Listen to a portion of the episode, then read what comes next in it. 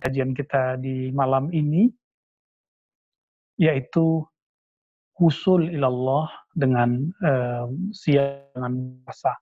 Sebelumnya untuk kita semoga Allah melimpahkan ilmu kepada diri kita semua, kalbu kita, mari uh, memulai kajian ini dengan surah pembuka, pembuka pintu langit, pembuka Al-Quran, pembuka salat. Al-Fatihah. A'udzubillahi minasyaitonir Bismillahirrahmanirrahim. Alhamdulillah rabbil alamin arrahmanir rahim maliki yaumiddin. Iyyaka na'budu wa iyyaka nasta'in shiratal mustaqim. Shiratal ladzina an'amta 'alaihim ghairil maghdubi alaihim waladdallin. Amin. Semoga Allah membukakan mata hati kita, pikiran dan semuanya. Ya, amin rabbal alamin di malam yang berkah, bulan yang berkah. Uh, sahabat-sahabat yang melakukan Allah, judul kita usul ilallah. Usul artinya wasala ya, yasilu wusulan atau waslan, wisalan. Uh, artinya sampai. Sampai kepada Allah, yaitu mendekat kepada Allah dengan cara siam, dengan cara berpuasa. Uh, maksud uh, kajian kita seperti ini, apakah ini terlancang? Tidak. Ya, judul ini diinspirasi sendiri dari Al-Quran yang mengatakan uh, la'allakum tattaqun itu ya bahwa berpuasa agar kamu mencapai ketakwaan. Nanti di kajian ini kita akan bagi dua bahwa uh, takwa itu disebut wusul adalah ujung dari perjalanan perjalanan rohani. Uh, tapi jalan untuk ke sana ternyata Allah itu tidak hanya menjadikan lisan berzikir, tubuh yang sholat, harta yang uh, berzakat, tapi ternyata juga ada uh, amal perut ya, amal amal usus kita, badan kita, bahkan semua anggota tubuh ini sampai ke rohani dan itu lengkap sekali. Uh, puasa itu dia beramal tapi tanpa amal. Nah ini yang menarik. Al amal bidunil amal. Amalan tapi kayak pasif. Dia beramal tapi nggak makan gitu. Beramal tapi tidak uh, tidak tidak berbuat. Jadi ada amalan. Berarti amalan apa ini? Amalan yang tidak kelihatan secara fisik. Sampai kita ngasih tahu orang saya berpuasa, baru saya, orang tahu bahwa saya berpuasa. Uh, jika saya nggak pernah kasih tahu, maka orang-orang tidak akan pernah tahu bahwa saya ini berpuasa. Eh, teman-teman semua, dalam hal ini berpuasa, saya sudah pernah bahas di beberapa tempat ya, yang berasal dari kata uh, huwasa, takarrub, ilallahil ahad, mendekat kepada yang Maha Esa, maka puasa itu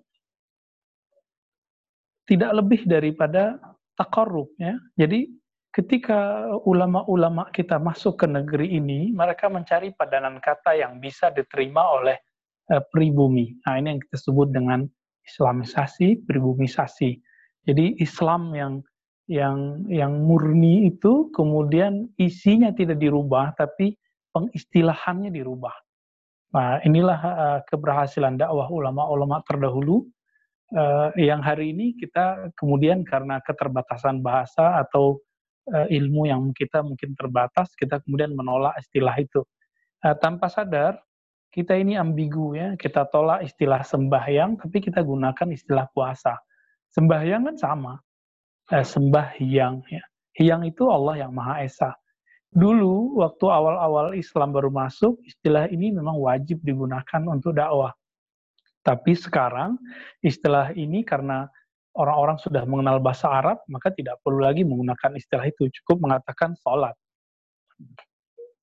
Ya, uh, puasa karena ritual ini mirip dengan amalan orang Hindu yaitu uh, uh, siam mirip dengan puasanya orang-orang yang belajar agama Brahmana yang mereka menggunakan bahasa Sanskerta.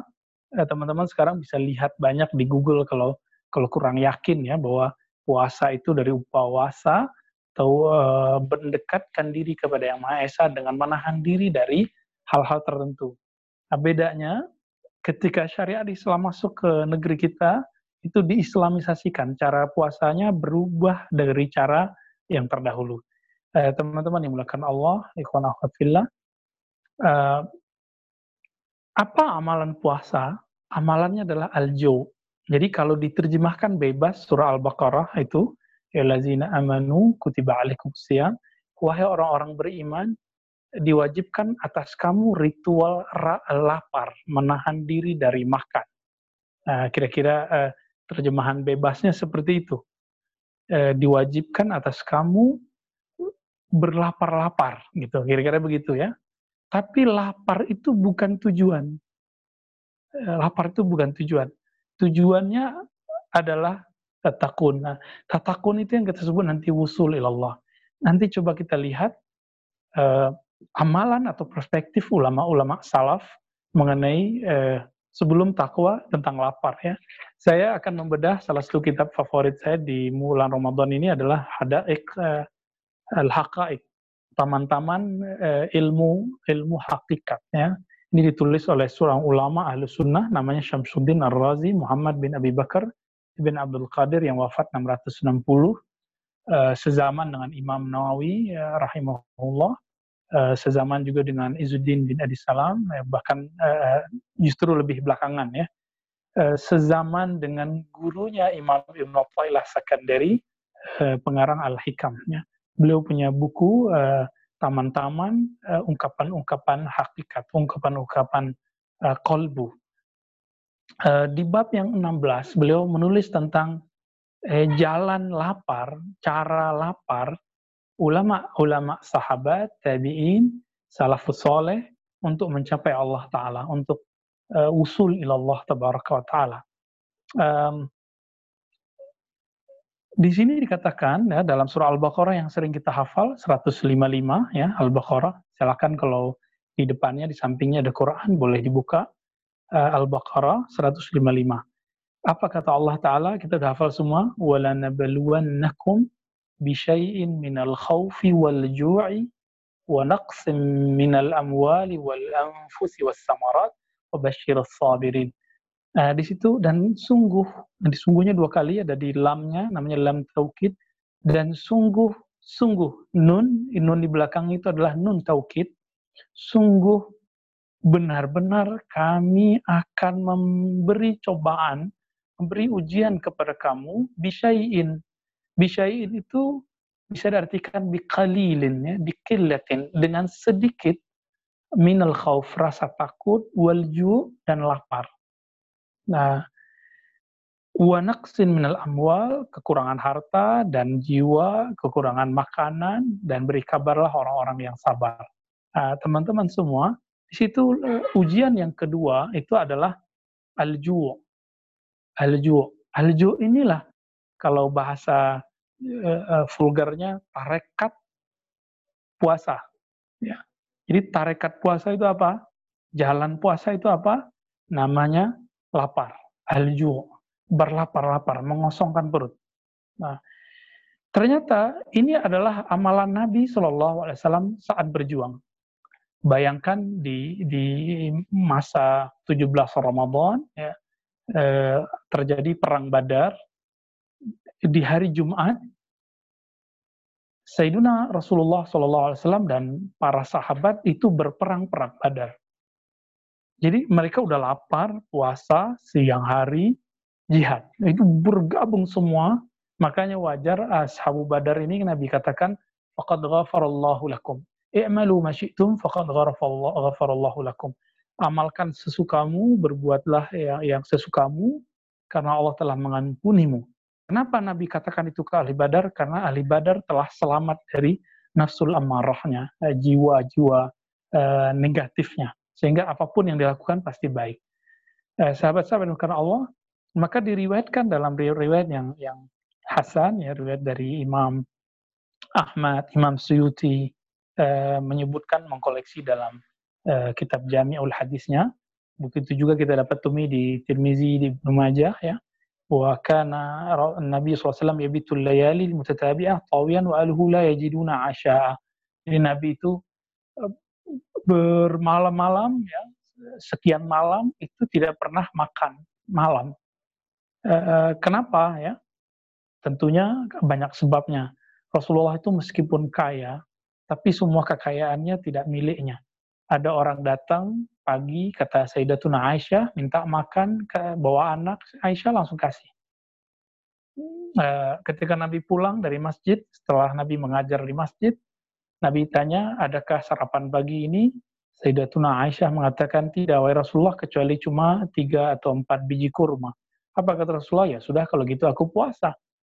Nah, begitu Rasulullah Shallallahu Alaihi Wasallam men menerima tarekat melapar ini ya dan kalau kita baca Syama'il Nabawi itu Nabi bisa berhari-hari lapar ya teman-teman yang menggunakan Allah uh, kita hari ini cuma eh, lapar 12 jam 13 jam mungkin yang pernah kuliah di luar negeri di negeri-negeri yang subtropis yang bagian utara itu bisa jadi kalau di Inggris ya 19-20 jam ya kalau di Prancis sekitar 18 jam, di Turki 16 jam.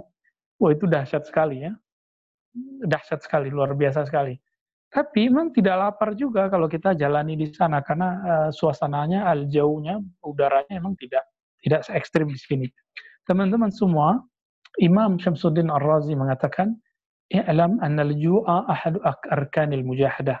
Jadi untuk sampai kepada Allah seperti misalnya teman-teman hari ini sampai kepada kesuksesan atau sampai kepada satu posisi, satu kesejahteraan hari ini, maka perlu ada usaha. Jika sampai kepada satu kesuksesan duniawi, ada usaha, maka untuk urusan rohani, ukhrawi, ilahiyah, maka usahanya tentu lebih berat lagi. Maka disebut di Quran wajahidu fina eh, eh, wajahidu fillah haqqa jihadih ya uh, berjuanglah di jalan kami, bersungguh-sungguhlah di jalan kami, haqqa jihadih, dengan jihad yang sebenar-benarnya.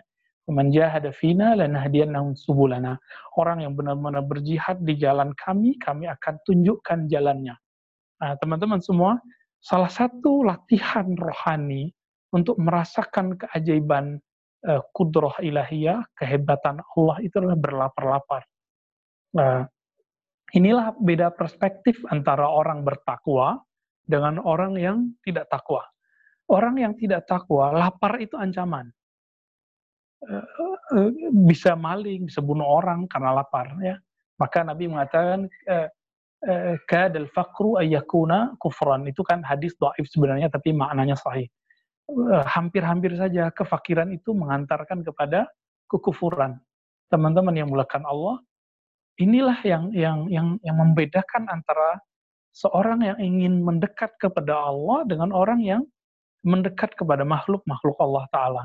Coba lihat obrolan orang-orang hari ini, semuanya ngomongin yang penting bisa makan hari ini, yang penting bisa makan esok hari. Itu kalimat yang benar, tapi jika Allah uh, memperhatikan orang ini, maka Allah tidak menyukai orang ini. Karena orang ini Eh, yang penting makan hari ini seakan-akan Tuhan kita bernama perut hari ini. Ya, betul semua orang butuh makan, semua orang takut lapar. Tapi coba lihat ayat ini. Dan teman-teman semua, ternyata di ayat-ayat lain itu banyak sekali ungkapan wa nabluuhum ya eh, wa balawnahum eh, dan kami akan beri mereka uh, ujian bil hasanati was sayiat. Ya, mohon maaf. Eh, kami akan beri mereka ujian eh, bil hasanat dengan uh, hasanat artinya kebaikan-kebaikan dan uh, sayiat dan juga keburukannya yang kita sebut hari ini uh, musibah seperti uh, corona ini masuk bagian dari hal tersebut. Teman-teman uh, semua, jadi ujian itu tidak hanya berupa keburukan, tapi di situ disebutkan bil hasanat dan juga dengan hasanat ya. Apa maksudnya?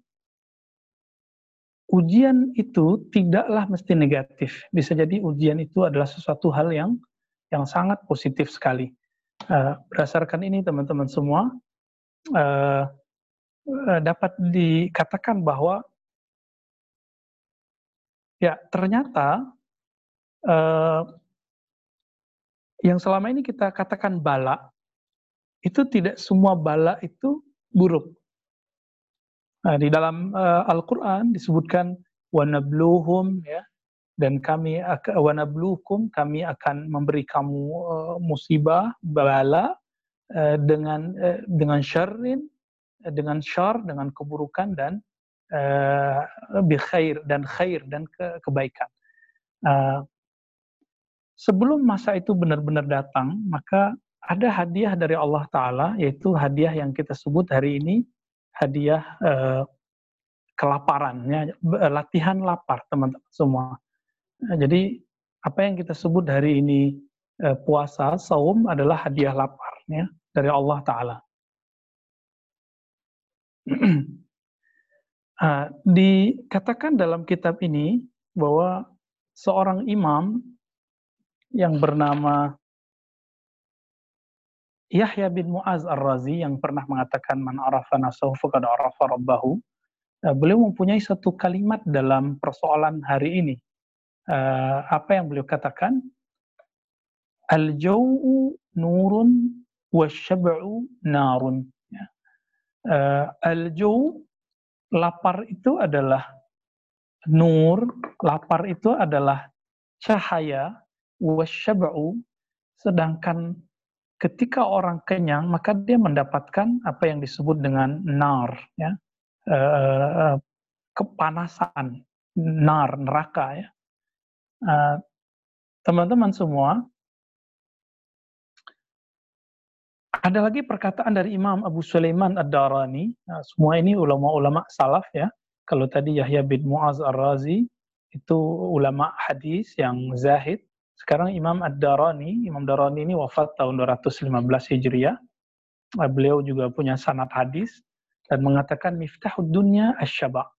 Uh, miftahud dunya pembuka kunci dunia adalah asyaba. Adalah berlap, ber, ber, apa, kenyang ya. Wa miftahul akhirati aljo. Sedangkan uh, kunci akhirat adalah berlapar-lapar. Oleh karena itu jangan heran, salah satu amalan kuat Ashabul Kahfi adalah lapar. Sehingga mereka melakukan perjalanan jauh, tidak makan, tidak makan, tidak minum, sehingga mereka dehidrasi, lelah, tertidur. Ternyata tidurnya melewati apa yang di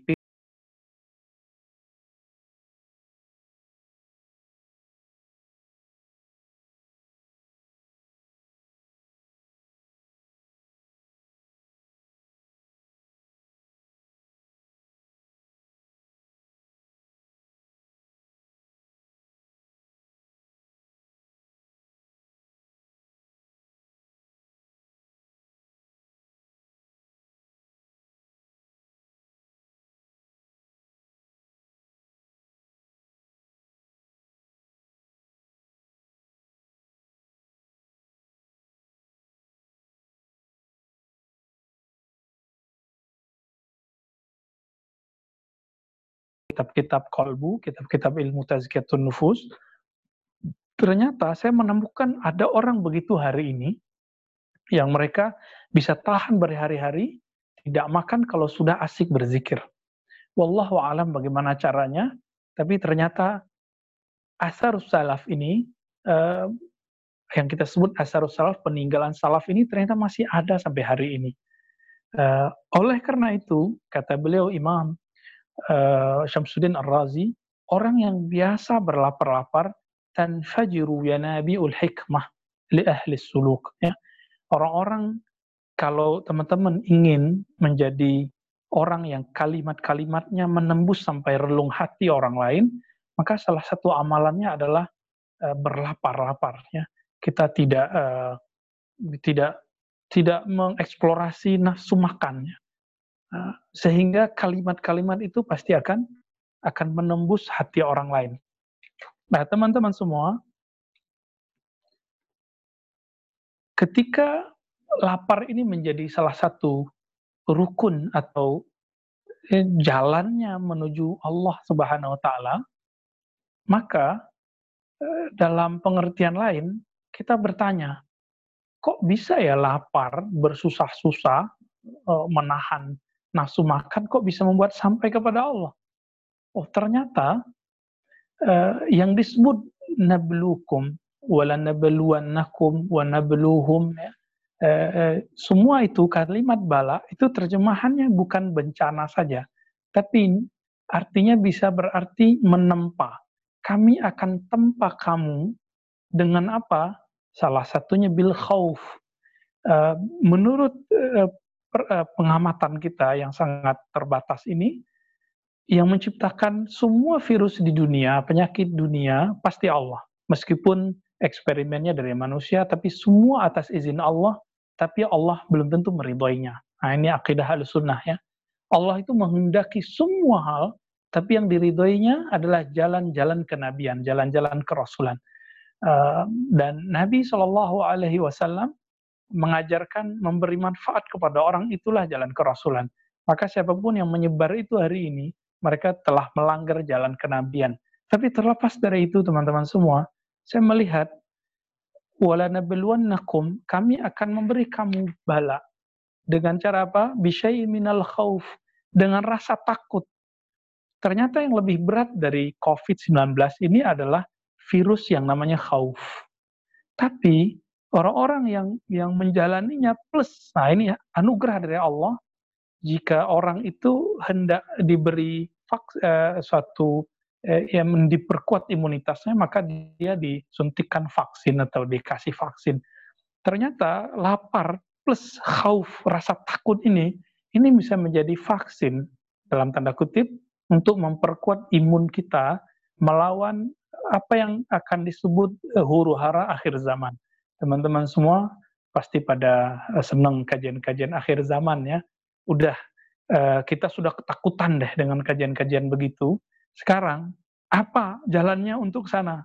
Sekarang coba nikmati imun ini apa vaksin ini yang namanya khauf plus Allah kasih anugerah yang namanya puasa. Teman-teman semua, ketika orang-orang mengalami ketakutan seperti ini, ditambah lapar di siang hari, jika dia benar iltija ilallah, dia kembali kepada Allah, maka dia akan mendapatkan dua senjata untuk menghadapi huru hara akhir zaman ini. Yang Nabi katakan badiru bil a'mali fitanan. Ya ayo segera beramal. Kenapa? Sebelum terjadi kerusuhan kekacauan yang luar biasa. Kita nggak tahu apa yang terjadi masa depan tapi ternyata inilah uh, senjata dua senjatanya tapi yakinlah teman-teman semua apa yang kita alami hari ini itu tidak separah apa yang dialami para sahabat Rasulullah Shallallahu Alaihi Wasallam. Maka teman-teman semua uh, niatkanlah hari ini ketika kita ketakutan uh, uh, menghadapi virus ini, maka semua orang kembali kepada Allah. Akhirnya semua orang nanya kepada saya, kepada teman-teman saya, para dai, Ustadz, apa doanya supaya terlindung? Ah ini ini sebenarnya uh, rohaninya sehat. Jadi kalau teman-teman mulai browsing cari uh, gimana sih cara doa supaya terhindar dari COVID gitu. Nah, ini, ini sudah bagus. Ini adalah ciri-ciri kolbunya mulai lolos dari tempaan namanya khauf. Uh, begitu juga Allah kasih ini lapar. Ketika dikasih lapar, maka kita kita bisa kuat, bisa aktivitas meskipun perut kosong. Bayangkan teman-teman, itu baru aktivitas. Bayangkan para sahabat ahli badar perut lapar, mereka satu orang lawan tiga orang. Kita eh, menghadapi anak-anak aja karena emosi di bulan puasa, karena udah lapar, anak-anak rewel ya. Ini sahabat Rasulullah, mungkin mereka nggak sahur juga, cuma makan kurma, air, nggak makan seperti kita, tapi mereka bisa mengalahkan dengan kekuatan imannya satu orang lawan tiga atau satu orang lawan empat. Kalau bukanlah karena kekuatan iman itu, maka Allah tidak akan kirim malaikat-malaikat yang muayyidin, yang bisa menguatkan mereka. Maka ada satu hal yang perlu digarisbawahi di situ, berlapar-lapar, berjuang, itu adalah kunci dapat kiriman malaikat-malaikat dari Allah Ta'ala. Suatu kali Sayyiduna Ibnu Umar radhiyallahu taala anhuma berpikir setiap pagi itu Nabi bertanya kepada para sahabat, wahai sahabatku, adakah yang bermimpi pagi ini? Eh, adakah yang mendapatkan ilham ke malam ini, kemarin? Ya. Lalu semua sahabat, hampir semua yang muda-muda, yang tua, menceritakan, melaporkan apa yang mereka dapatkan. Nah, saya ketemu majelis itu hari ini ternyata masih ada yang mereka menjaga uh, ritme ini. ritme rohani, yaitu mimpi-mimpi orang-orang beriman, itu ternyata perlu dicatat, perlu ditulis ya. Saya sudah ketemu beberapa syekh dari dulu, tapi baru ngehnya hari ini. Uh, karena wahyu yang pertama adalah mimpi yang baik dan warisan kenabian yang masih utuh adalah mimpi yang baik. Salah satu cara untuk mengelola mimpi yang baik itu adalah alam bawah sadar yang baik. Alam bawah sadar yang baik itu caranya adalah berlapar-lapar. Ya, orang yang berlapar-lapar sembari berzikir mengingat Allah, dia akan uh, ada detok rohani. Jadi rohaninya itu kayak pembersihan, pembersihan, pembersihan. Sehingga yang terjadi adalah uh, kualitas spiritualnya itu tertanam dengan baik dan itu kebawa ke dalam mimpi. Nah, puncaknya nanti kalau di mimpi dia bisa ketemu uh, Nabi SAW, bahkan ada yang Imam Ahmad bermimpi bertemu Allah. Allah taala alam. Teman-teman semua. Jadi secara uh, fisik puasa ini kan betul-betul menyengsarakan. Ya udah lapar ya. Uh, sholat siangnya kok malam empat rakaat. Uh, asarnya juga empat rakaat ini bagi orang yang mengilahkan, menuhankan fisik perutnya, ini berat sekali, teman-teman semua. Tapi bagi orang yang telah mengilahkan, menuhankan Allah, menguluhiyahkan Allah Subhanahu wa taala, puasa itu dianggap sebagai imun baginya, bagi hadiah baginya. Teman-teman semua, kalau ini bisa dilalui, bisa dilalui, bisa dilalui, maka kualitas puasa seseorang akan mampu mengikuti tariqatut taqwa, jalan ketakwaan. Sekarang kita pindah. Jadi al-jo, al-khawf, sekarang at-taqwa. Kita bedah sesuai kitab ini ya, nanti ada di bab uh, 23. Teman-teman semua ada kalimat menarik dari Imam Syamsuddin Ar-Razi ketika menjelaskan takwa. Ternyata takwa itu beliau bagi uh, menjadi beberapa hal, menjadi beberapa golongan ya. Nah, sebelum masuk ke pembagian itu, beliau mengatakan at-taqwa min uh, al-wiqayah. Takwa itu artinya adalah penjagaan. Penjagaan dari apa? Maka beliau katakan ihtiraz bi ta'atillah an aqubatih. Uh, secara umum menjaga hamba dalam taat sehingga tidak terkena uh, ikab dari Allah Subhanahu wa taala. Tapi itu makna biasa. Ada makna yang lebih luar biasa lagi ya. Apa kata beliau? Haqiqatut taqwa, taqwa ihtiraz an syirkil jali wa syirkil khafi. Jadi takwa di sini ternyata inti dari ikhlas itu sendiri. Uh, puasa yang isinya menuju takwa, ternyata itu latihan ikhlas. Latihan ikhlas artinya usaha mendetok kolbu rohani dari penyakit-penyakit yang paling bahaya namanya syirik. Nah, syirik yang paling bahaya yang selama ini kita nggak sadari adalah syirik syahwat makan. Yang tadi kita sebut. Ternyata banyak survei bebas, survei kasar aja kita bertemu eh, kawan-kawan kita baik dari dunia kantoran sampai ke sopir ojol, sampai ke tukang bangunan, sampai ke arsitek, semuanya bilang, yang penting bisa makan, yang penting bisa makan, yang penting enak. Nah ini walaupun kalimat ini secara manusiawi benar, tapi dikhawatirkan kalau sudah sering dikatakan, sering di, dibicarakan dalam kolbu lalu di, diibaratkan dengan lisan, terjadi adalah syirik jali. Uh, syirik jali artinya syirik secara terang-terangan.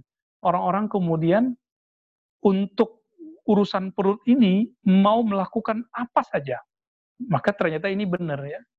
Ini benar sekali ketika orang perutnya lapar, anaknya lapar, maka dia kemudian berani maling hari ini. Ya. Di kompleks saya sudah ada yang korban, ya. E, lagi sholat subuh bahkan. Ya. E, kompleks sebelah juga terjadi. Itu karena karena berperang dengan perut.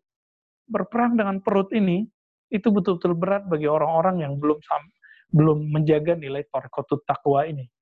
E, semoga ini nggak terjadi pada kita teman-teman semua. Lalu menjaga dari syirik khafi. Ya, apa itu syirik khafi? Ternyata syirik itu dibagi dua ya, yang terlihat, yang tidak terlihat. Apa yang tidak terlihat? Kata beliau, syirik khafi itu orang yang zahirnya mengatakan dia mengesahkan Allah, tapi kolbunya yashtagil bi ghairillah. kolbunya sibuk dengan selain Allah. Nah ini yang ditampar-tampar itu saya sebenarnya dengan kalimat ini. Oh, ngomongin tauhid, alusunnah, daurah alusunnah ke mana-mana. Tapi apakah hati saya nyangkut ke jamaah atau nyangkut ke Tuhan yang disembah oleh jamaah? Eh, nyangkut kepada Allah yang maha kaya atau nyangkut ke jamaah yang kaya? Nyangkut kepada Allah yang maha indah atau nyangkut ke jamaah yang cantik? Nah, itu.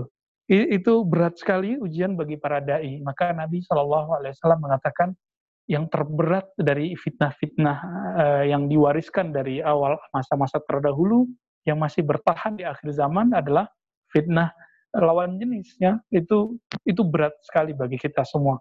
Dan teman-teman semua orang untuk masalah ini bisa terjebak pada syirik syirik khafi. Maka muncullah nanti uh, pelet ya uh, macam-macam lah. Ini yang beliau katakan dengan uh, syirik khafi. Nah, coba kita sekarang naikkan latihan takwanya dari sekedar apa yang dibahasakan dalam buku-buku biasa, takwa adalah menjalankan perintahnya, menjauhi larangannya. Itu benar, tapi itu takwa lil awam. Takwa bagi orang awam. Maka langsung kita bagi ya. Ada takwa bagi orang-orang yang telah khawas. Orang-orang yang rohaninya telah spesial, rohaninya telah mempunyai rahasia antara dia dan Allah.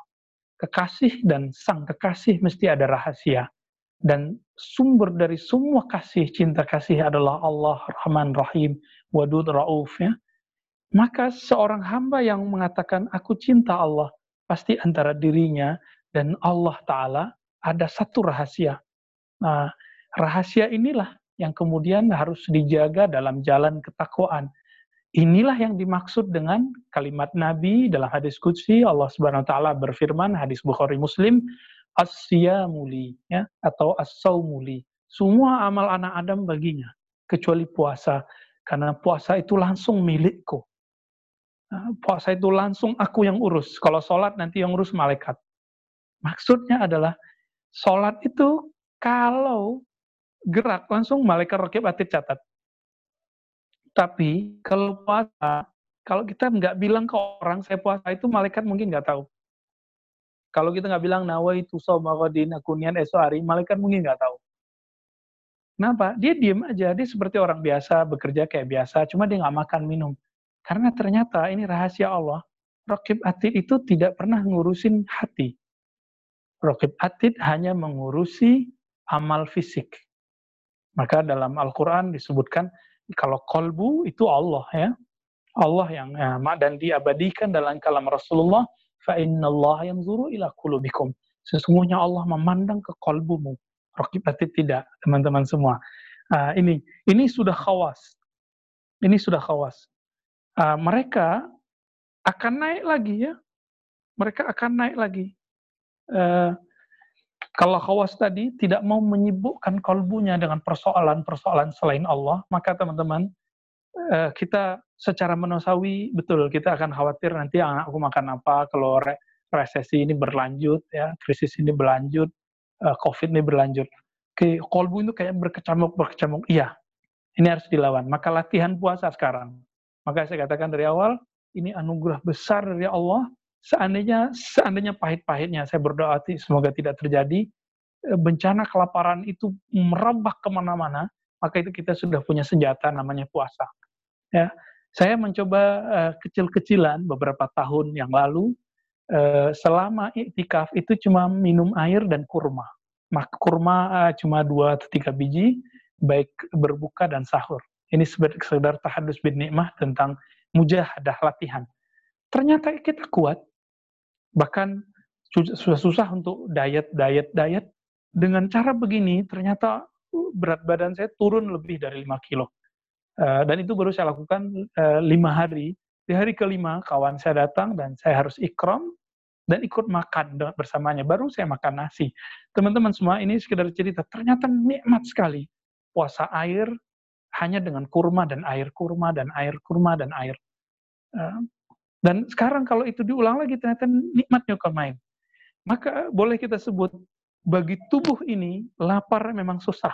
Tapi kalau orang sudah menjadi makhluk rohani, berkualitas rohani, lapar itu bagi dia adalah satu sensasi yang luar biasa. Saya tidak bisa menceritakan bagaimana nikmat sensasinya saat itu. Mirip-mirip uh, orang baru nikah uh, malam pertama. Gimana mau ceritain kalau orangnya belum menikah ya? Nah, ini hanya dipahami oleh orang-orang yang merasakannya.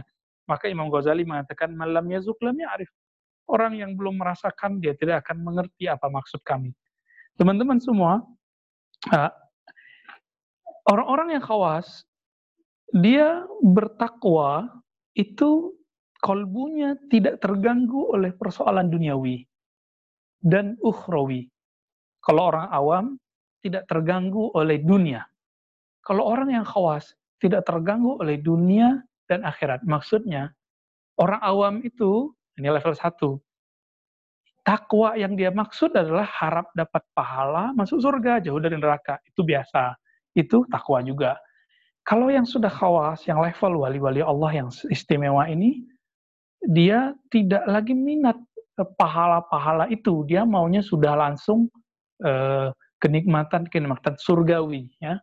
Walaupun itu juga berkaitan dengan pahala, tapi dia sudah nggak ngitung-ngitung ya, terserah yang penting masuk surga. Tapi ada yang lebih tinggi lagi. Inilah level para eh, nabi dan para wali disebut as-sabiqun al-awwalun atau dalam hadis sebut mufarridin sabaqal mufarridun ya. Nabi mengatakan dalam hadis Muslim telah duluan masuk surga al-mufarridun yaitu orang-orang yang mufarrid. Ternyata itu dia badi dengan dalam Al-Qur'an dalam beberapa ayat Uh, saya tidak mungkin kita nggak sempat menyebutkan uh, malam ini karena ayatnya sangat banyak. Saya sebutkan saja beberapa. Uh, di Quran surat Al-Waqi'ah salah satu favorit saya itu dibagi ada mukarrabun, ada ashabul yamin, ada ashabul shimal. Uh, ternyata surganya mukarrabin, surganya level-level yang tinggi ini beda dengan surganya orang-orang yang ashabul yamin. Ashabul yamin ini surga-surga orang awam. Surganya mohon maaf, surga seksual, surga makan. Ya. Maka ketika ada uh, seorang teroris, ya mohon maaf, uh, disergap, kedapatan, dia bawa bom, Lalu ditanya, apa motifmu untuk uh, membunuh orang? Jawaban dia sederhana, aku ingin menikahi 72 bidadari, sesuai hadis Tirmizi. Uh, apa maknanya ini? Surganya orang-orang ini, sorga, mohon maaf, sorga syahwat. Sorga birahi. Ya. Tapi itu memang disebutkan dalam dalam surat uh, Al-Waqi'ah. Ya. Tapi ternyata sorganya orang-orang yang mukarrabun lebih tinggi dari itu. ya maka pembahasannya adalah haurain, dilihat itu nyaman, menyejukkan mata. Ya. Kalau surganya orang ashabul yamin ini tidak disebut uruban atau lebih kepada fisik. Teman-teman semua, maka jika kemudian kita lihat ya, jalan ketakwaan yang merupakan wusul kepada Allah itu ternyata amal rohani. Uh, poin saya sebenarnya sederhana teman-teman semua, berpuasalah dengan kualitas rohani sesuai kata Nabi, at-taqwa hahuna. Maka kalau diterjemah lagi secara bebas, wahai orang beriman, kutiba alaikumusiyam, diwajibkan atas kamu puasa. Maksudnya diwajibkan bagi kamu amal-amal rohani sehingga dadamu terjaga. Karena Nabi mengatakan at-taqwa hauna sehingga hatimu terjaga dari selain Allah Subhanahu wa taala sehingga kamu tidak menduakan Allah dengan makanan, Allah tidak menduakan Allah dengan kenyang ya, tidak menduakan Allah dengan kesejahteraan, bahkan tidak menduakan Allah dengan surga neraka. Ini yang disebut al-mufarridun, para nabi, para wali, mereka bahkan surga pun sebenarnya mereka tidak tertarik kalau nggak ketemu yang punya surga, mereka nggak tertarik. Jadi surga level mereka adalah jannatur ru'i, surga mengundang, bukan surga-surga yang yang yang syahwat tadi.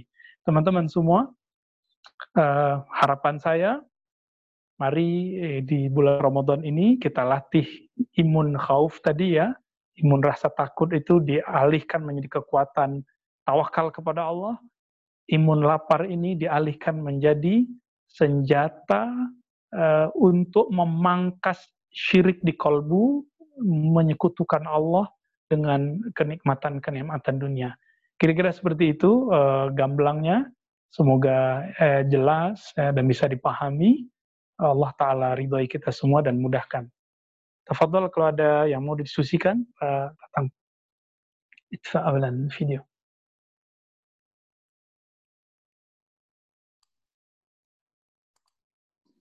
Baik, Alhamdulillah, syukran Ustaz. Uh, kita tunggu pertanyaan dari jamaah. Silakan mungkin supaya tidak uh, apa namanya terlalu ramai kalau audionya dihidupkan, maka pertanyaan mungkin bisa disampaikan via chat aja. Nanti insya Allah saya bacakan.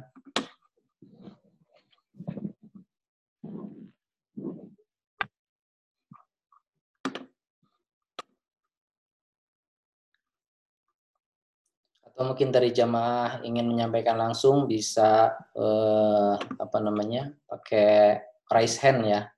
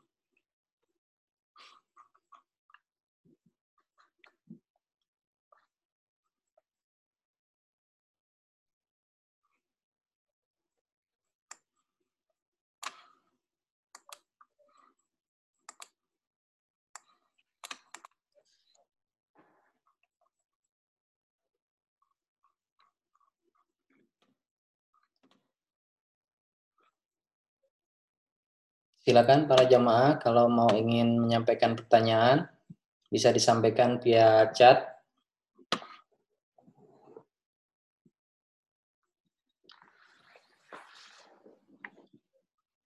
Bismillah Ustaz, sudah ada satu pertanyaan yang masuk. Hmm, ya, silakan. Uh, puasa yang bagaimana yang bisa menjadikan kita makhluk bisa wusul pada Allah minimal merasakan keberadaan Allah di kehidupan kita. Dari Zamroni, ID Zam, Zamroni. Baik, ya. Uh, Nabi SAW mengatakan, ini farhatani ya. Bagi orang yang berpuasa itu ada dua kebahagiaan. Uh, minimal secara umum, orang-orang yang berlapar-lapar karena Allah, maka dia di ujung puasanya akan mendapatkan uh, usul, walaupun usul ini baru sedikit. Bagi orang yang berpuasa dapat satu dua kebahagiaan. Pertama, indah fitrihi, ketika dia ber, uh, berbuka. Ya. Ketika dia berbuka, teman-teman semua, tegukan pertama itu kalau benar-benar dihayati, itu terasa bahwa, oh selama ini aku makan minum, itu serampangan aja. Ternyata satu teguk itu, itu adalah dunia dan seisinya. Nah, ketika orang merasakan nikmatnya tegukan pertama itu, apalagi di hari pertama puasa, di situlah muncul satu karakter namanya asyukru, ya, kesyukuran. Nah, jadi eh, puasa itu ternyata menjadi asbab orang-orang bisa bersyukur.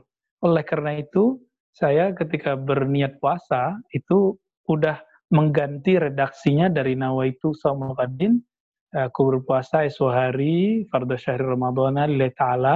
Besok hari Ramadan karena Allah taala. Itu saya kemudian eh, tambahkan ya. Aku puasa esok hari eh, fardu syahr Ramadan karena ingin mendekat kepada Allah taala. Jadi coba eh, nanti sahur dimulai atau malam ini langsung dimulai katakan dalam hati ya Allah yang maha mengenyangkan yang maha memberi ujian yang maha membantu hamba-hambanya yang maha tahu isi hati hambanya aku ingin berpuasa itu hari bulan Ramadan karena ingin mendekatkan diri padamu kalau ini diulang-ulang tiga kali terus kita sahur atau setelah sahur rasakan sensasinya nanti ketika kita berpuasa. Sensasi ini sebenarnya bahasa Arabnya ahwal ya. Rasanya tuh yang saya rasakan itu nikmatnya bukan main ya. kita berlapar-lapar karena ingin mendekat diri bukan diri kepada Allah itu nikmat sekali ya. Uh, kita uh, melihat uh, ada orang yang mendekatkan diri kepada Allah itu modus. Misalnya, saya puasa supaya proyek saya jebol, supaya anak saya lolos ujian. Sekarang itu diganti. Itu teman-teman semua, itu orang awam. Coba dinaikin. Puasanya sekarang bukan karena karena karena selain Allah, tapi hanya karena ingin mendekat kepada Allah. Jadi Allah itu melihat kita 11 bulan, oh, kenyang, kenyang, kenyang, maka sekarang Allah ingin uji dengan lapar. Sama enggak? Eh, apa, atau malah tambah mendekat kepada Allah Ta'ala. Nah, sebenarnya targetnya itu teman-teman semua. Jadi, eh, jadikan satu nafas dalam berlapar-lapar di siang hari itu adalah hembusan eh, rindu kepada Allah ya. Eh, dan disebutkan tadi oleh Imam Syamsuddin Ar-Razi, orang yang berlapar-lapar terus minimal saja kalau berdasarkan hadis Abu Nuaim ya latihan-latihan itu 40 hari. Kalau ini kan baru 30 hari nih. Kalau dilanjutkan kan nanti dengan puasa eh, 6 hari di bulan Syawal. Lanjutkan Senin Kemis. Itu kalau udah genap 40 hari karakter orang itu akan berubah maka kita lihat orang-orang yang yang rajin puasa itu basirahnya lebih tinggi jadi gimana sederhananya dimulai dari niat. Jadi niatnya jangan niat anak SD lagi. Itu niat anak SD itu bolehlah silakan dipakai.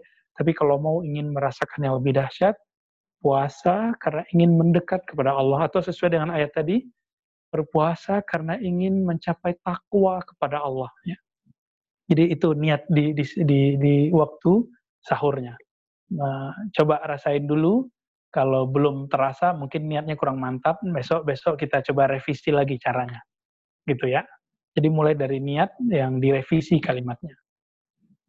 Eh, teman-teman uh, semua, uh, niat itu dalam bahasa Arab itu muktarinun bil fi'li, muktarinatun bil fi'li. Dia beriringan dengan perbuatan.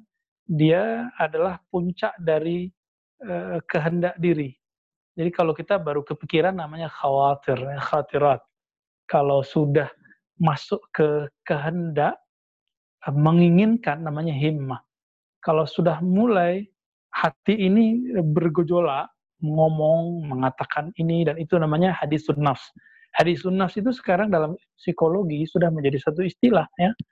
Uh, ada yang istilahkannya dengan self talk ya, uh, berbicara kepada diri sendiri. Itu ternyata bahasa Arabnya hadis nafs. Dan hadis nafs ini kalau ditumpuk-ditumpuk dia menjadi alam bawah sadar. Uh, dengan berpuasa, uh, bisikan-bisikan negatif itu itu rontok semua dan dia akan berubah menjadi baik. Itu sebabnya Rasulullah mengatakan uh, man lam yubayyit lailan ya. Ya, yang tidak ber, berniat di malam hari, maka dia tidak disebut sempurna puasanya. Jadi dimulai dari puasa eh, niat ya. Itu uh, pengalaman saya. Semoga kalau teman-teman menjalaninya akan menemukan hal yang sama. Syukran Bu ya jawabannya. Uh, ya, pertanyaan berikutnya dari ID Tina Isnur. Assalamualaikum Bu ya, mau bertanya bagaimana memaksimalkan ibadah di siang hari dan di malam Ramadan? Apakah siang kita baca Quran saja atau malam zikir atau bagaimana pembagiannya Bu ya? Terima kasih. Ya, sebenarnya uh, Bu Tina, saya punya uh, apa tabel schedule uh, itikaf from home gitu ya, from uh, uh, al itikaf minal manzil minal bait, beritikaf uh, dari rumah. Uh, nanti insya Allah saya share ya, silakan nanti dipakai. Uh, saya ijazahkan, saya izinkan semuanya untuk mengamalkan. Nanti di situ sudah sudah tertata mulai dari bangun tidur sampai tidur lagi bahkan sampai malam hari itu sudah tertata.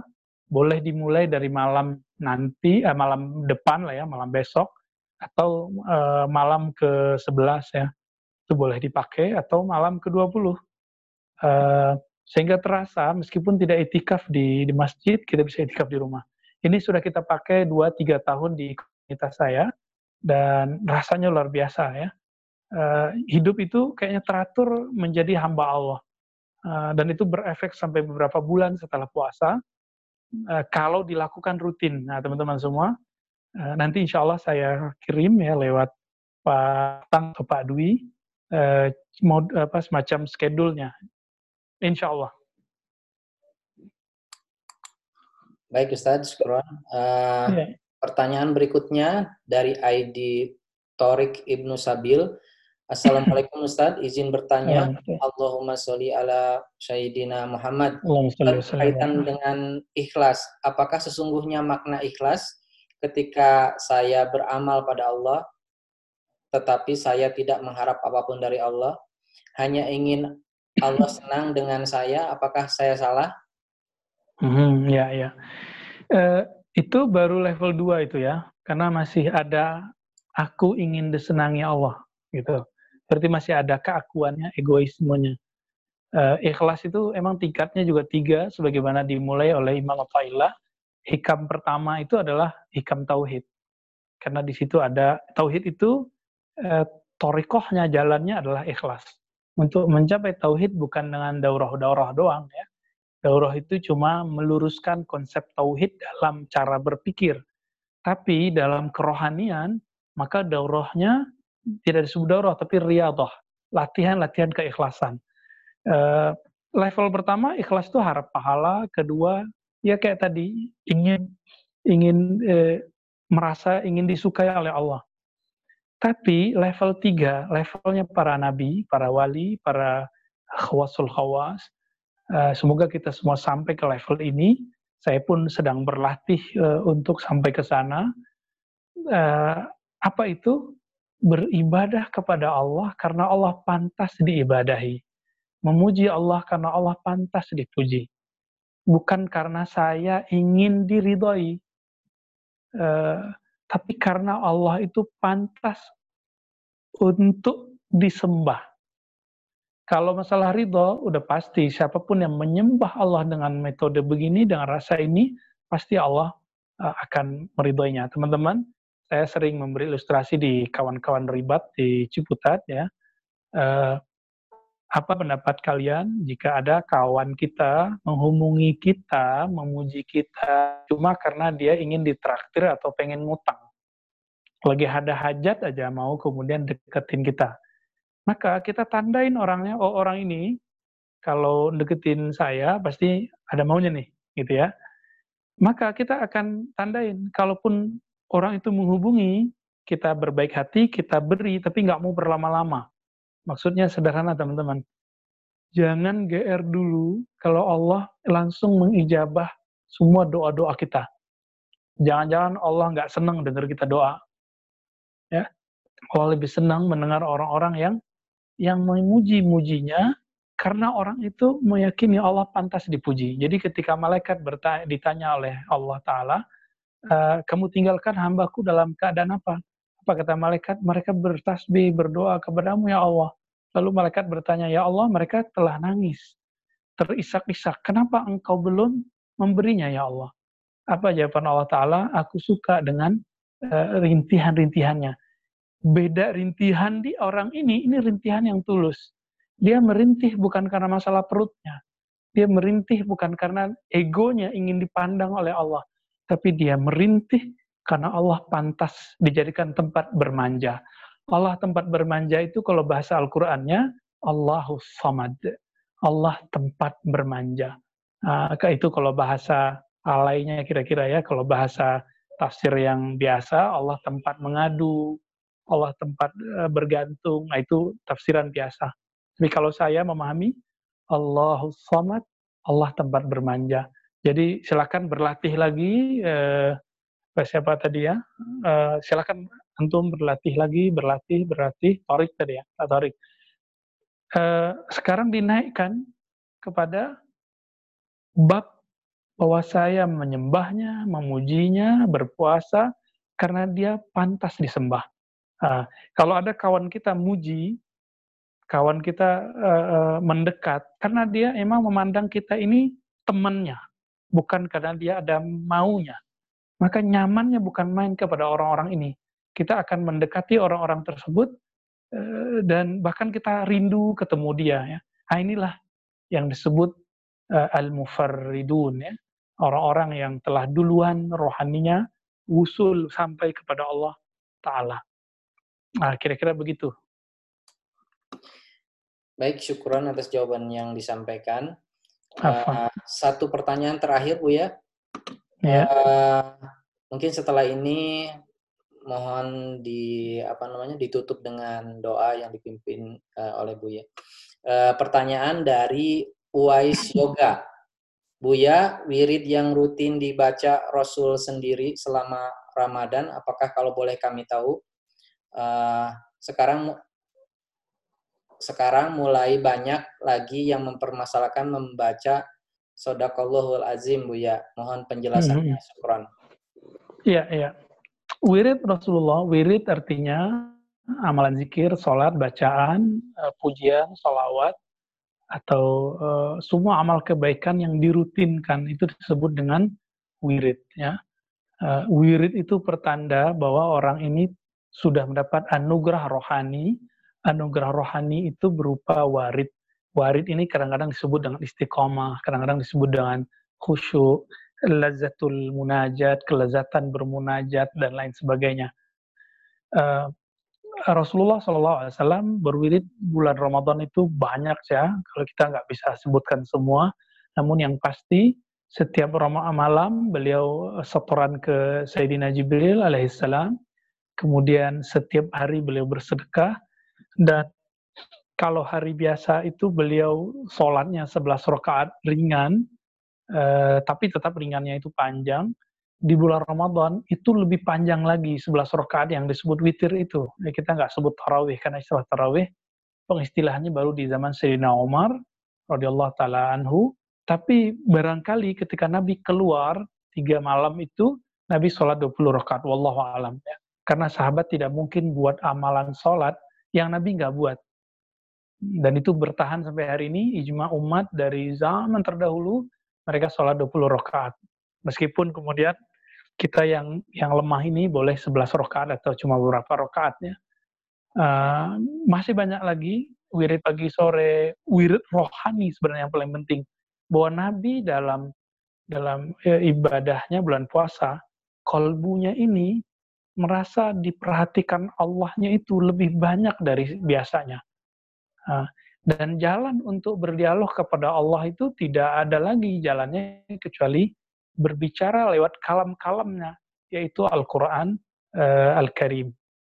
Teman-teman semua, kalau ada yang mengatakan uh, Sadaqallahul Azim, bid'ah, ya, ya salam ya. Orang ini belum move on dari kajian fikih-fikih klasik yang yang yang dia sendiri belum memahaminya dengan baik. Sadaqallahul Azim itu adalah uh, anjuran dari ulama berdasarkan ayat yang ada di Ali Imran, kul sadaqallah katakanlah, hai Muhammad, maha benar Allah Ta'ala. Uh, itu terhadap ayat-ayatnya, terhadap firman-firmannya. Lalu ulama kita uh, letakkan ini dibaca supaya kita tidak sama dengan ahli kitab yang mendustakan ayat-ayat Allah. Yang mereka kalau dibacakan ayat, mereka bilang, Sami'na wa asaina, kami dengar tapi kami malasah, ogah, gitu. Itu kan disebut mendustakan. Maka digantilah dijadikan itu wiridan oleh ulama-ulama kita, ahli Al-Quran, ahli kiraat, semuanya pakai itu, dan mereka mengatakan, sadaqallahul azim. Dan saya curiga teman-teman semua yang membidahkan sadaqallahul azim, ini orang-orang nggak punya sanad Al-Quran. Eh, eh, kalau Quran aja dia nggak punya sanad, gimana dia hadis punya sanad? Gimana rohaninya bersanad? Ternyata khusyuk itu teman-teman itu bersanad karena sallu kama muni usolli salatlah seperti kamu lihat aku salat. Ahli kolbu memandang salat Nabi dengan kolbunya. Itulah warisan khusyuk Nabi yang diturunkan dari sahabat, dari Nabi ke sahabat, terus sampai ke ulama-ulama yang disebut ulama ul akhirah. Ulama-ulama pewaris kerohanian Nabi hari ini. Jadi, uh, untuk bulan puasa ini saya sarankan cukuplah debatnya. Uh, ya biarkan saja mereka asyik dengan membid'ahkan doa ketika berbuka. Kita sudah jelaskan bertahun-tahun ya. Imam Nawawi di abad ke-7 udah masukin ke bab bab doa dan itu dimasukkan dua-duanya. Allah malaka suntu masuk di situ juga zahabat zama. Dua-duanya masuk kepada amalan-amalan puasa. Sekarang dibid'ahkan orang ya sudah. Kita nggak usah debat dulu dan nanti debatnya pada puasa aja. uh, sama ya sadaqallahul azim dibid'ahkan. Ya sudah nanti aja kita debat. Sekarang teman-teman sebagaimana kita mendapatkan ijazah seperti itu dari guru kita, kita lakukan. Uh, kan tidak disebutkan juga secara manual misalnya sebelum uh, baca Quran istighfar dulu nggak ada. Tapi ulama kita mengajarkan sebelum baca Quran istighfar, auzubillah, baru kemudian kita baca. Tidak disebutkan di, di dalam uh, apa hadis uh, setelah baca Quran terus cium mushaf itu bid'ah, nggak disebutkan. Tapi ulama kita mm, dalam bab adab-adab kiraat itu membolehkan ini semua. Nah ini yang disebut al-adab muqaddamun alal ilm. Jadi benar kadang-kadang orang-orang berilmu ini kurang adab. Itu sebabnya ilmu tertinggi adalah ilmu yang melahirkan adab. Udah jelas asik-asik hari ini uh, wiridan Quran, ini kok masih sibuk di situ. Ya, fi qalbihi syai. Di kalbunya ada satu penyakit kebencian uh, atau minimal mencari kesalahan-kesalahan orang. Uh, sudahlah ya, seorang Ibnu Taimiyah saja ketika dia beda dalam konsep sun, uh, bid'ah hasanah dan bid'ah sayyi'ah, itu beliau mengatakan uh, tidak ada bid'ah hasanah dan sayyi'ah. Ya.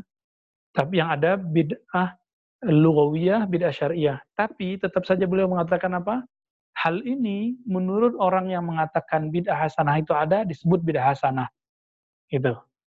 Jadi artinya dia tetap mengakui dan kata dia segala satu yang istahabbahul ulama yang ada ulama yang menganjurkannya laisa bid'ah itu enggak bid'ah dan nas-nas ini ada dalam kitab beliau Iqtida Siratal Mustaqim, Iqtida Siratal Mustaqim dan beberapa kitab-kitab yang lain. Itu Imam Salafi eh, itu udah nggak sibuk dan saya tidak menemukan di teks Ibnu Taimiyah membid'ahkan Allahul azim. Oke, sudah lah ya. Jadi uh, hentikan dulu nanti kalau kalau mau debat mau diskusi ya mati sama teman-teman yang tadi itu nanti aja pada Ramadannya. Sekarang pun saya nggak nggak melayani kalau ada orang mau debat ya mau nantang ya di sosmed kita ada yang bilang emang kamu lebih pintar dari pengarang Duratun Nasihin? Eh, kalimat apa ini? Tapi ya sudahlah biarin aja gitu ya. Uh, jadi hal-hal begini kelasnya khalihim biarkan saja mereka uh, dauhum ya tinggalkan mereka, cukup kita uh, asik masyuk dengan Allah Ta'ala. Baik itu Pak Datang. Baik Ustaz, uh, hmm. khair. Uh, mungkin untuk menutup uh, majelis ini, uh, mohon kiranya Ustaz bisa uh, memimpin doa Ustaz. Oh doa ya. uh, baik teman-teman, uh, sense berdoa lewat online tentu beda ketika kita offline ya uh, saya kasih doa yang pendek aja. Uh, satu kali Nabi Shallallahu Alaihi Wasallam berdoa, silakan nanti dicari nasnya ya ini ada dalam hadis. Allahumma inni as'alukal uh, uh, Allahumma inni ala zikrika wa syukrika wa husna ibadatik ya. Uh, ya Allah bantu aku mengingatmu, mensyukurimu uh, dan beramal baik kepadamu. Uh, jadi ternyata kalau kita mampu berpuasa, itu mampu itu karena dibantu oleh Allah. Uh, inilah yang disebut puasa rohani, ini yang perlu kita syukuri. Uh, kalau sudah syukur, ini yang baru disebut husni ibadatik. Oke, okay, kita tutup dengan doa ini. Allahumma ya Allah ya Rahman ya Rahim, ya Allah yang Maha Rahman, yang Maha Rahim, Maha Pencipta semuanya yang kami sadari, yang kami sadari, yang kami ketahui, yang kami tidak ketahui, yang memandang hati kami, memandang pikiran kami, memandang amal zahir kami, Ya Allah, ustur auratina, tutuplah uh, aurat kami, aib-aib kami, hapuslah masa lalu kami yang gelap, uh, gugurkanlah semua sifat-sifat kami yang yang tidak baik, gantilah ya Allah bisil hasanat dengan sifat-sifat yang baik, sifat-sifat yang mulia menurutmu, bukan menurut kami ya Allah, bukan menurut hambamu ya Allah. Allahumma ya Allah ya Rahman ya Rahim, inna ala zikrik Ya Allah, ya Nasir, ya Allah bantu kami, ya Allah, untuk menikmati zikir-zikir kami, menikmati kalam-kalam engkau yang kami baca di pagi, sore, dan malam hari. Ya Allah, aina ala zikrika wa syukrika, ya Allah, bantu kami setiap mendapat nikmatmu, semua nikmat itu membuat kami syukur kepadamu. Sehat ini membuat kami syukur kepadamu. Satu teguk, dua teguk, satu suap, dua suap itu membuat kami tambah mensyukuri nikmatmu dan keberadaanmu. Bertambah rasa eh, kehadiranmu dalam hidup kami. Allahumma inna ala zikrika wa syukrika wa husni ibadatik. Dengan zikir dan syukur itu ya Allah, bantu kami untuk sampai kepada cintamu dengan amal-amal yang engkau ridhoi, amal-amal yang pantas kami ibadahi, amal-amal yang pantas kami lakukan. Allah alhimna rusyda ya Allah dengan demikian ya Allah ilhamkan keindahan, kebaikan, eh, ke rusda, kelurusan dalam kalbu kami sehingga kami yang hadir meskipun berjarak ya Allah engkau jadikan hamba-hambamu yang terpilih di bulan Ramadan ini. Amin. Rabbal alamin. Rabbana atina fid dunya hasanah wa fil akhirati hasanah wa qina adzabannar Sampai ketemu teman-teman semua. Wassalamualaikum warahmatullahi wabarakatuh. Mimi mimi. Terima kasih Ustaz. Ya, sama-sama. Assalamualaikum. Jazakallahu Salam pada semua. Yuk.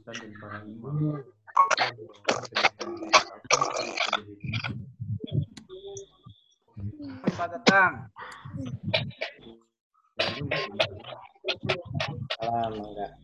Ustadz Abu, ditunggu tabelnya. Terima kasih. Assalamualaikum. Insya Allah Ibu. Selamat datang. Assalamualaikum warahmatullahi Assalamualaikum.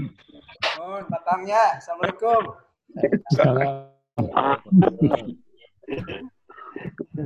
Datang. Nuhun datang.